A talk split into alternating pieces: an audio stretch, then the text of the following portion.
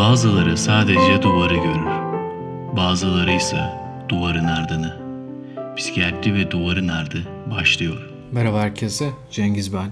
Bugün 22 Mayıs Cuma Ankara Çankaya Bahçeli Evler'den bu kaydı gerçekleştiriyorum. 19 Mayıs'ı geride bıraktık. Önemli bir gündü. Ve şimdi önümüzde Ramazan bayramı var. Herkesin geçmiş ve gelecek bayramı kutlu olsun. Bugün konuşacağım konu psikiyatrinin belki de en popüler konularından bir tanesi. Ve çok da böyle üzerine speküle edilen, bilenin, bilmeyenin konuştuğu bir konu. Bipolar artık adına ne derseniz deyin. Bipolar afektif bozukluk, iki uçlu duygu durum bozukluğu, bipolar duygu durum bozukluğu gibi ya da manik depresif bozukluk, manik depresif hastalık, manik depresif delilik pek çok isimlendirmesi var. Zaten belki de bu isimlendirmeler bile hastalığın işte bir şekilde yanlış bilinmesinde bir rol oynuyor. Yani bir kafa karışıklığı sadece insanlarda yani profesyonel olmayanlarda değil, profesyonellerde de bir kafa karışıklığı tarihte olmuş. Bugün de belki kısmen de olsa devam ediyor. Tabi bu karışıklıkların nedenini anlamak, bugüne nasıl geldiğini anlamak için yine tarihe dönüp bakmak lazım. Bipoların tarihi gerçekten psikiyatrinin tarihi gibi bir şey. Çünkü bütün o psikiyatrik rahatsızlıkların longitudinal seyrinde yani uzun soluklu seyrinde bipolar gibi bir hastalığın böyle ataklarla giden bir hastalığın olması işte o bütün o Krapin'in hastalığı tanımladığı zamanda hastalığın o seyrini uzun izlemler sonucunda biraz daha anlayan ve işte bugün belki şizofreni dediğimiz şeyden kronik psikoz tablolarından ayıran şey Krapin'in gözlemleri ve öne sürdüğü çeşitli düşünceler olduğu Dementia precox'tan bu şekilde ayrımıyla beraber bipoların epizodik bir hastalık olduğunu, zaman zaman iyilik halleri görüldüğünü, zaman zaman hastalık halleri görüldüğünü öğrenmiş olduk. Bu çığır açıcı bir bilgi, bilgiydi elbette. Ya o dönemde bunları görmek, bunları söylemek oldukça zordu. Tabii ki bu dediğim şey çok eski gibi gelse de aslında 19. yüzyılın sonları. Ama biz çok daha öncesine gidelim. Yani 2500 yıl öncesine gidelim. O zamandan bu zamana gelen bir külliyat var ve açıkçası o zamandan bu zamana gelişteki o yolculuğu anlamak şu an anlamak için yine önemli. Keyifli de bence geçmişteki o yolculuğa bir yerinden tutunmak. Şunları da söyleyebiliriz elbette. Pek çok insan için böyle bipolar, afektif bozukluk yani kısaca bipolar diyeyim. Bazen böyle havalı bir şey de olabiliyor. Kimse ben şizofren miyim diye size gelip soru sormaz da ben bipolar mıyım diye soru sorabilir. Bu da oldukça tuhaf geliyor bana. Yani hiçbir hastalık elbette iyi değildir ama yani bu kadar popülerleşmesi insanların belki de kendinde olmasına üzülmemesi hatta sevinecek hale gelmesi bir garip. Pek çok hastaya Tony'yi söylediğinizde büyük bir reaksiyon almazsınız. Özellikle gençlerde bunu olumlu karşılayan insanlar oluyor. E, bu hastalıkla ilgili sağına soluna dövme yapan insanlar bile var. Yani medyada, görsel, yazılı medyada çok da adı geçen, bahsi geçen bir hastalık. Tabii yanlış bilinen tarafları var. Bu yanlış bilinen tarafları düzeltmek ya da doğrusunu kısmen de olsa anlatabilmek benim birinci arzum. Çünkü %100 doğrudur diye bir savum yok açıkçası bütün bu durumları anlatırken. Çünkü bugün anlattığım şeyleri belki 50 sene sonra birisi dinlediğinde o zaman böyle deniyormuş deyip gülecektir muhtemelen. Psikiyatri çok dinamik bir yer ama bağlamı tarihinden koparamayız. O yüzden çok eskiden almamız gerekecek bütün o yolculuğu. 50 sene sonraki insan da bugün bizim dediklerimizi hafife almayacak. Evet belki gülecek, kahkaha atacak ama biz bugün bunları söylediğimiz için 50 sene sonraki insan da onları söyleyebilecek. O yüzden bu böyle dinamik bir süreç. Çok didaktik bir şey yapmayı zaten biliyorsunuz. Onu hep söylerim yani çok sevmiyorum. İnsanlar bunu dinlediği zaman bir şeyler öğrenirken merak duygusu belki de canlı kalsın istiyorum. Onun dışında herkesin söylediği ya da her yerde okuyabildikleri, çok kolaylıkla ulaşabildikleri kaynakların yanında farklı yerlerinden bakabileceği bir açı ve belki de bunu daha detaylı araştırmak için bir heyecan, motivasyon yaratabilir diye daha farklı şekilde anlatmayı seviyorum. Şimdi dediğim ya tarihe bir dönelim. 2500 yıl öncesine gidelim. Eski Yunanlara gidelim. Hatta onun öncesinde de Hindu ve İncil literatüründe de geçiyor. Ondan da biraz bahsedeyim. Öfke, sevinç veya kader patlamaları ya da bize şu an için en azından psikotik depresyon gibi görünen kısa dönemler yaşayan insanlara dair nadir de olsa yazılar var bu literatürde. Örneğin eski ahitte duygu durum bozukluklarını akla getiren birkaç öykü var.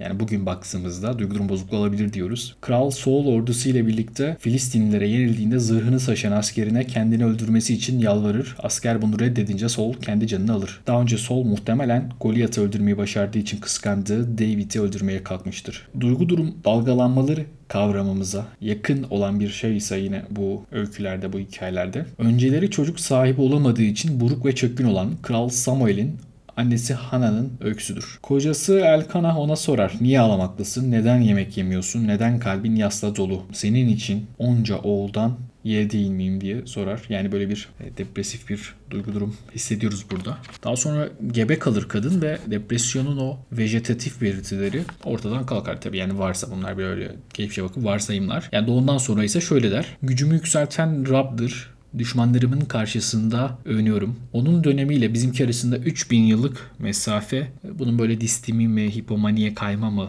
olduğunu iddia etmek için biraz fazla bir zaman. Kavramlar işte distimi, hipomani, mani, melankoli, hipertermi bunlar böyle biraz terminoloji gerçekten. Yeri geldiğindeki açıklamalarla bunları anlatmak daha kolay olacaktır diye tek tek hepsini açıklamıyorum. Peki şimdi mani ve melankolinin kökenlerine biraz daha gidelim. Yani bu ikisini beraber açıklamak gerekiyor. Aslında daha çok biz mani tarafını açıklayalım ki hani o akılda kalsın istiyorum bir yandan. Melankoli daha böyle biraz daha analitik tarafları falan da olan bir şey. Yani en azından o kuramcılar daha çok melankoliye eğiliyor ve mani ise böyle biraz daha biyolojik psikiyatrinin içinde kalmış bir şey. O yüzden e, mani belki de daha çok yanlış bilinen tarafta. Melankoli ise herkesin konuştuğu günlük yaşamda da çok sık dile getirdiği bir şey. Şimdi Homeros'un İlyadası Aşil'in ödülü Bakire biri sesten hileyle uzaklaştırılması karşısındaki gazabının bunu yani mani olarak yani o zamanki dille mani olarak söyleyebiliriz hatta manis diye yazıyor.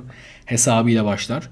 Anormal yükselme hali için güncel kavram gazap ve öfkeden daha geniş olmakla birlikte mani bu sözcükten gelmekte. Yani eski Yunanca'daki gazabın ama böyle öfkenin işte böyle aşırı sinirlenmenin daha geniş bir kavramı haline geliyor ama özü o. Tabi anlam değişiyor zaman içinde. Yine benzer semantik bağlantıyı melankoli içinde kurabiliriz. Yunanca kara ve safra sözcüklerinden türetiliyor. Ama yine bugün baktığımızda daha çok hüzün, depresyonun şiddetli formu olarak kullanılıyor. Duygu durumu pek çok şekli var ve o duygu durumla ilgili ifadelerin de çok uzun bir tarihsel kökeni var. Duygu durum kelimesi de aslında baktığımız zaman farklı bir yerde. Yani biz mesela baktığımız zaman bipolar afektif bozukluk diyoruz ama işte affect dediğimiz şeyi duygulanım diye çeviriyoruz. Mood disorder deyince duygu durum bozukluğu. Yani bizim bipolar ya da daha doğrusu 2 uçlu duygu durum bozukluğu dediğimiz şey işte bipolar mood disorder olması gibi yani öyle gerekiyor çeviri olarak ama afektif diye çeviriyoruz. Yani duygulanım diye çeviriyoruz. Duygu durumu genel başlık olarak koyuyoruz. Orada da böyle bir gariplik var. Ayrıca duygu durum kelimesi de mesela duygu durumu değil de duygu durum diye söyleniyor. Onu da Orhan Öztürk şöyle açıklıyor. Yani bu duygu durumu yazılması doğru mu diye o kendisi etnolojiye çok ilişkisi, ilgisi olan birisi o soruyor bazı uzmanlara. O da duygu durum kullanımının uygun olduğunu söylüyor. Daha doğrusu ona öyle söylüyorlar. Çünkü omurilik diye bir şey de var değil mi? Yani omuriliği demiyoruz. Yani bazen o sondaki ek ortadan kalkabiliyor böyle sözcükler birleştiği zaman. O da tuhaf gelmişti bana böyle bir açıklaması var. Ayrıca tuhaf biçimde duygu durum bozukluklarındakiler dahil olmak üzere son 100 yılda psikiyatride yaşanan gelişmelere rağmen duygu durum ve mizaç için kullanılan tanı isimleri Hipokrat zamanından bu yana çok az değişmiş. Milattan önce 6. yüzyıldaki yazılarda Yunan Sicilyalı filozof Empedokles ve hekim Hipokrat doğadaki her şeyin dört elementin oluşturduğu kuramını savunmuşlar. Yani doğadaki her şeyin yapısında bu dört elementi var. Hani Gora'daki sahne gibi yani toprak, hava, ateş ve su. Ee, aslında bu kuramı da ilk geliştirenler Yunanlar değil. Ondan önce de Mısırlar ve Hindistan, Çin'de de ortaya çıkmış. Ya böyle bir inanış var gerçekten. Bütün o zaman böyle pek çok şeyi bu elementer bir açıklama yapma ihtiyacı hissediyor insanlar. Yani hastalığa da öyle diyorlar. Yani bu elementlerin duygu durum bozukluklarına neden olmadığı kesinleştiği günümüzde bile her ne kadar sanguin tip için hipomanik ve kolerik tip için irritable demek daha yaygın olsa da mizaç ile ilgili sözcükler hala kullanılır. Yani o zamandan bu zamana o kelimeler e, hala kullanılmaya devam etmiş. Çin literatüründe bu toprak, hava, ateş, suya ek olarak altın da var. Onlar o zamandan bu zamana bir altın bir maddi bir şeye yatırım yapıyorlarmış kendi kültürlerinde bile. Peki duygu durumun iki ucu mani ve melankoli arasındaki ilişkiler hakkında tutarlı bir kuram oluşturan ilk kişi o kim? bakarsak muhtemelen milattan sonra 1. yüzyılda yaşayan Bergamalı Galen'in çağdaşı olan Kapadokyalı Areteos. İlginç bir şekilde duygu durum bozukluğuyla ilgili literatür ve buna katkısı olan insanlar Türkiye'deki topraklarda şu an bulunduğumuz topraklarda yaşamışlar. O bana hep tuhaf gelmiştir. Bu topraklardan çok fazla bilgi çıkmış aslında. Peki Areteus melankoli için ne diyor? Ona bir bakalım. İlginç bir açıklaması var. Kara safranın mide ve diyaframa doğru yukarı çıktığı saptanırsa melankoli oluşur. Ateş olmaksızın görülen bir ruhsal ağırlıktır ve kanımca melankoli maninin başlangıcıdır. çılgın kimselerde zihin bazen öfkeye bazen neşeye dönerken melankoliklerde sadece hüzün ve kedere gider. Ayrıca hastalık ilerlerse rüyalar sahici, korkunç ve net hale gelir. Hastalar mantıksız korkulara kapılır. Ancak hastalık daha ilerlerse nefret, insanlardan uzaklaşma, anlamsız ağlamalar, hayattan şikayet etme ve ölüme arzusu duyarlar. Bunu din adamlar kaç yüzyıl önce yaşamış. Kısmen haklılar yani dediklerinde. Şimdi burada tabi bahsettiği şey bir diyafram. Yani onlar böyle anatomik olarak açıklıyorlar o zamanı ve hastalıkları. Diyaframın altındaki alandan bahsedilmesi bu yüzden önemli.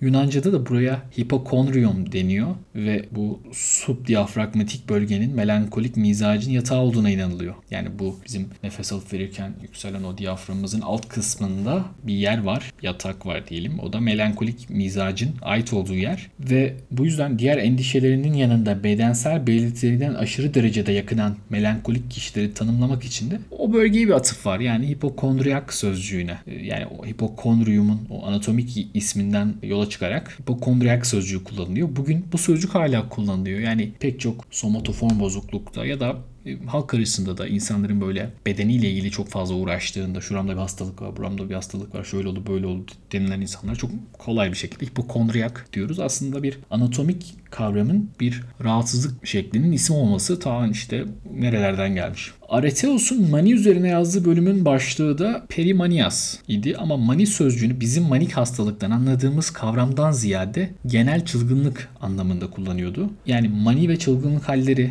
onun deyimiyle türde sonsuz ama cinsde tektir diyor ve ekliyor. Hastalığa yatkın olanlar doğasında ihtiraslı, irritable, aktif alışkanlıkları olan kolay mizaçlı, neşeli, çocuksu kişilerdir. Keza tembel, kederli, yavaş öğrenen ama işte sabırlı olan mizacı zıt duruma meyilli kişiler vardır. Daha önce bir çılgınlık dönemi geçirmiş kişiler arasında bunlar melankoliye daha yatkındır diye söylüyor. O zaman melankoliye maninin böyle bir hep ilişkisi dikkat çekiyor. Peki devam edelim. Galen'in görüşleri Areteos'unkilerle uyumluydu. Galen milattan sonra yaşayan, milattan sonranın işte ilk yüzyıllarında yaşayan birisi. Galen'in melankolinin 3 tipi olmasını söylemesi Yine işte birinci de kaburga kafesinin altında o hipokondriyak dediğimiz yer. Burada kara safra birikimiyle psikolojik belirtilerin yanı sıra karın ağrısı, gaz ve geğirme gibi belirtiler oluşuyordu. İşte bu vejetatif belirtiler dediğimiz o bedensel belirtiler diye söylediğimiz yer. Kara safra Yunan Roma tıbbında bedensel bir madde olmasının yanında bir tür psikik güç olarak da görülüyordu. Bu da işte enteresan yani. O zaman kara safra önemli bir şey. Bu görüş ta Rönesans'a kadar anatomik diseksiyonlara kadar değişmedi. Ancak bu dönemde keşifler eskilerin sıvı kuramını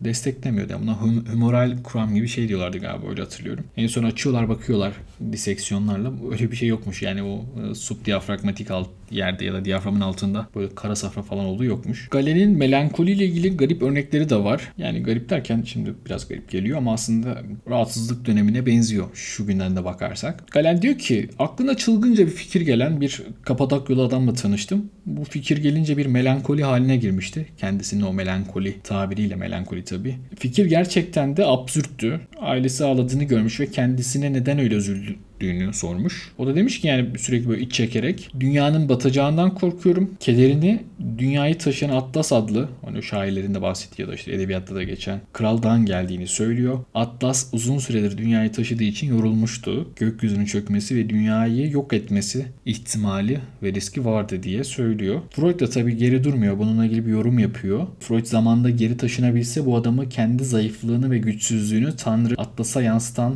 depresyondaki bir kişi olarak görürdü diye söylüyor. Tabii hemen analitik açıklıyor. Ancak eski çağlarda ve sonraki 1500 yılın psikoloji yazılarının çoğunda kabul edilmesi güç duyguların sembolik ifadelerine veya olası psikodinamiklerine dair herhangi bir iz görmüyoruz. Eskiden böyle çok daha basit açıklamalar geçiriyorlar. İşte bu Hipokrat, Areteos ve Galen'in çalışmalarıyla Mani'nin Homeros için sadece bir belirti ve bir geçici durumun tıp yazarları için ise ayrı bir bozukluğun veya uzunca süreli bir hastalığın adı olduğu netleşti. Sevda çekme ile ortaya çıkan melankoli kısa, aşka karşı engeller ortadan çabuk kalkmışsa şayet kısa veya uzamış. Yani aşkı karşılıksızsa ve erişilebilir olma durumu yoksa uzamış oluyor. Melankoli sözcüğü daha çok bir bozukluk için kullanılırdı. Milattan sonra 5. yüzyılda Seilus Aurelianus Mani iki geniş tip ayırdı. Bunlardan bir tanesi arada iyileşme dönemleriyle giden geçici bir tip ve diğeri süreyen bir tip olmak üzere aşık olmak, öfke, kader, şok veya korku hastalığın gelişimini hızlandırabiliyordu ona göre. Ve bazı hastaların kendilerini tanrı, ünlü bir aktör veya dünyanın merkezi sandıklarını belirtiyor o dönemde. Aslında evet günümüzün psikotik manisine ya da manik psikozuna benziyor.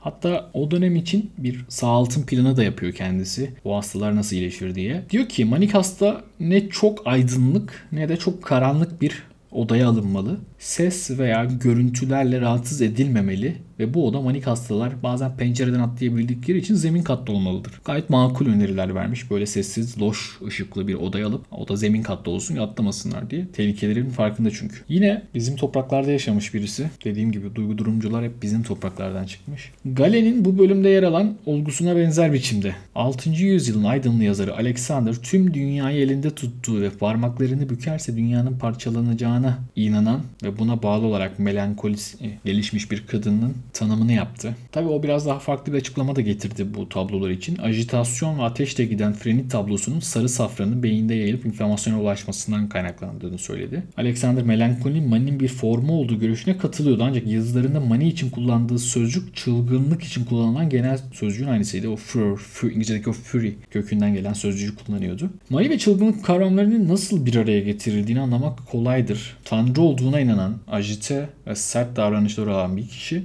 Atlas'ın dünyayı ayakta tutmaktan yorulduğu endişesinde takıntılı, hareketsiz ve kederli bir kişiye göre daha deli veya çılgın görünür. Şimdi biraz daha Müslüman coğrafyasına doğru gelelim. Müslüman coğrafyası derken İslam'ın ortaya çıktıktan sonraki zamanları olduğu için söylüyorum. Buhara'da doğan ibn Sina o böyle küçük yaşlarından itibaren zekası parlak bir genç. Kendisinin bir tıbbın kanunu adlı eseri var. O, o zamanlar için oldukça büyük bir eser. O duygu bozukluklarının sıvı teorisini ileri taşıyor ve diyor ki melankoli kahkaha ve yerinde duramamadan ibaretse veya tartışmacılık ve saldırganlıkla birlikteyse mani adını veriyoruz. Ancak sarı, sarı safradan köken almadıkça durumu mani olarak isimlendirmiyoruz. Tıpkı kara safradan köken almayan durumlara da melankoli demediğimiz gibi. Yani işte yine bir humoral bir açıklama, sıvıların değişimiyle ilgili bir açıklama var o zamanlarda. Ee, ama şunu o zaman da gerçekten bugünkü insanların bile anlayamadığı bir şekilde ortaya koymuş. Yani diyor ki tartışmacı, saldırgan böyle durumlar olduğu zaman buna biz mani diyebiliyoruz. Yani bugün bile insanlar bu hastanın işte bipolar dediğinde yok hocam ama işte bu hasta mutlu değil ki falan diyorlar. Yani mutlu olması gerekmiyor işte. Bakın tartışmacı, saldırgan. Gerçekten insanlar bunu 1500 yıl önce neredeyse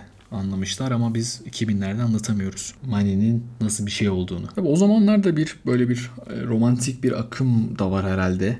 Yani bu eski açıklamalarda ben yine orta çağda belki de genelde böyle bir aşk, kara sevda bununla bir ilişkilendirmesi var melankolinin ya da işte Mani'nin pek çok eseri de bu şekilde yansıyor. Buna benzer açıklamalar da var. Genelde aşkına karşılık bulamayan insanların böyle şeyler yaşadığını söylüyorlar. Buna benzer de pek çok hikaye var aslında. Onları böyle arka arkaya anlatıp tempoyu düşürmek istemiyorum. Ama şu bir gerçek. Yani gerçekten de bu rahatsızlığa sahip insanlar ya da zeminde bu genetik yatkınlığa sahip insanlar belki de o romantik ilişkilerin o reddedilmesine ya da olumsuz biten ilişkilere ya da karşılıksız aşklara belki de daha duyarlılar. O yüzden bu insanlarda bu rahatsızlıkların çıkması kısmen kabul edilebilir bir şey. Tabi o zamanın içinde o zamanki bakışta biyolojik psikiyatri çok gelişmediği için aslında bir yandan kendileri humoral açıklamalar getiriyorlar ama bir yandan da daha işte aşk ve aşka karşılık bulmakla açıklıyorlar pek çok rahatsızlığı. Peki bugünkü modern kullanımdaki depresyonun o bedensel belirtileri için İbn Sina'nın çağdaşı olarak kabul edilen İshak İbn Armam şu melankoli belirtilerini sıralamıştır. Genel yavaşlama, hareketsizlik, sessizlik, uyku sorunları, iştahsızlık, ajitasyon, suskunluk, moral bozukluğu, endişe,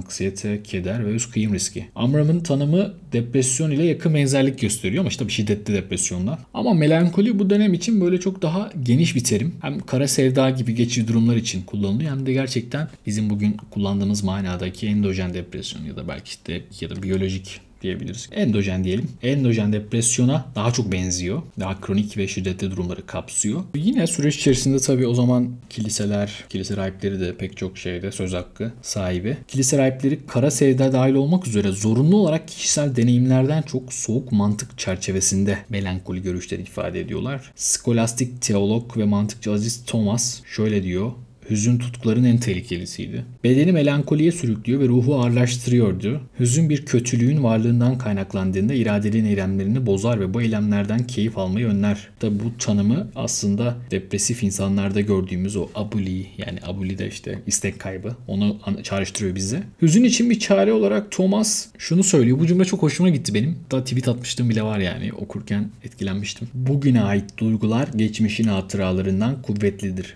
Kendine olan sevgi de başkalarına olandan kuvvetlidir. Böylece sonunda neşe yine hüznü getirir görüşünü ortaya atmış. Şimdi biraz daha reform ve rönesans dönemine geçelim.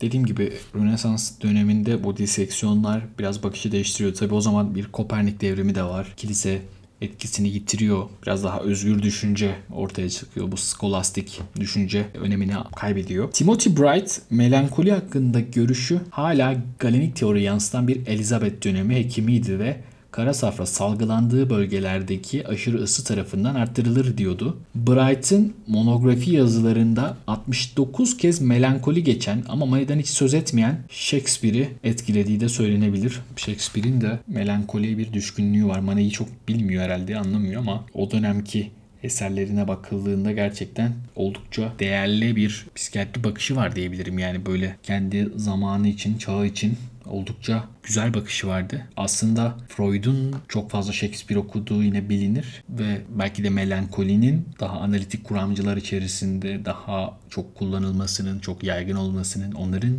melankoliye dair kendilerini daha yakın hissetmelerinin bir sebebi de Shakespeare'in de çünkü melankoliyle ilgili açıklamalara ve melankoliye daha yakın olmasıyla söylenebilecek bir şey belki de. Richard Burton büyük bir adam. Okuduğumda bu tarihle ilgili, psikiyatri tarihle ilgili şeyleri okuduğumda çok sık karşılaştığımız birisi. Oxford'da ilahiyat dekanı ve konu üzerinde eski çağlara dek giden geniş bir ansiklopedisi olan Melankolinin Anatomisi adlı eserin yazarı. Onlar melankoliyi anatomik olarak açıkladıkları için. Tabi Burton kişilik olarak yalnız, umutsuz, kendisini küçümseyen, suçluluk hissiyle dolu, keyifsiz ve utangaç biri olarak tanımlanıyor. Burton yalnız, umutsuz, kendini küçümseyen, suçluluk hissiyle dolu, keyifsiz ve utangaç birisi olarak tanımlanıyor. Cox Maximo melankolinin anatomisini tıbbi değil felsefi bir çalışma olarak görür. Burton için melankoli hem geniş hem de mutlak bir kavramdı. Budalalık ve çılgınlık arasında ortada bir yerdeydi. Melankolik bir kişiliği belli koşullar altında bir kutuptan diğerine kayabilirdi. Burton bedeni ruhlar ve sıvılardan ibaret görürdü. Ruhlar doğal, yaşamsal ve canlıydı. Sırasıyla karaciğer, kalp ve beyinden köken alıyordu diye ifade ediyor. Burton'un eseri tabii o zaman içinde eleştirileri almış. 17. yüzyılın tıp yazarları genel olarak melankoli ve maninin aynı bozukluğun görünümleri olduğu fikrini kabul ediyordu. Bu maniyi melankoli için sık görülen bir sekel kabul eden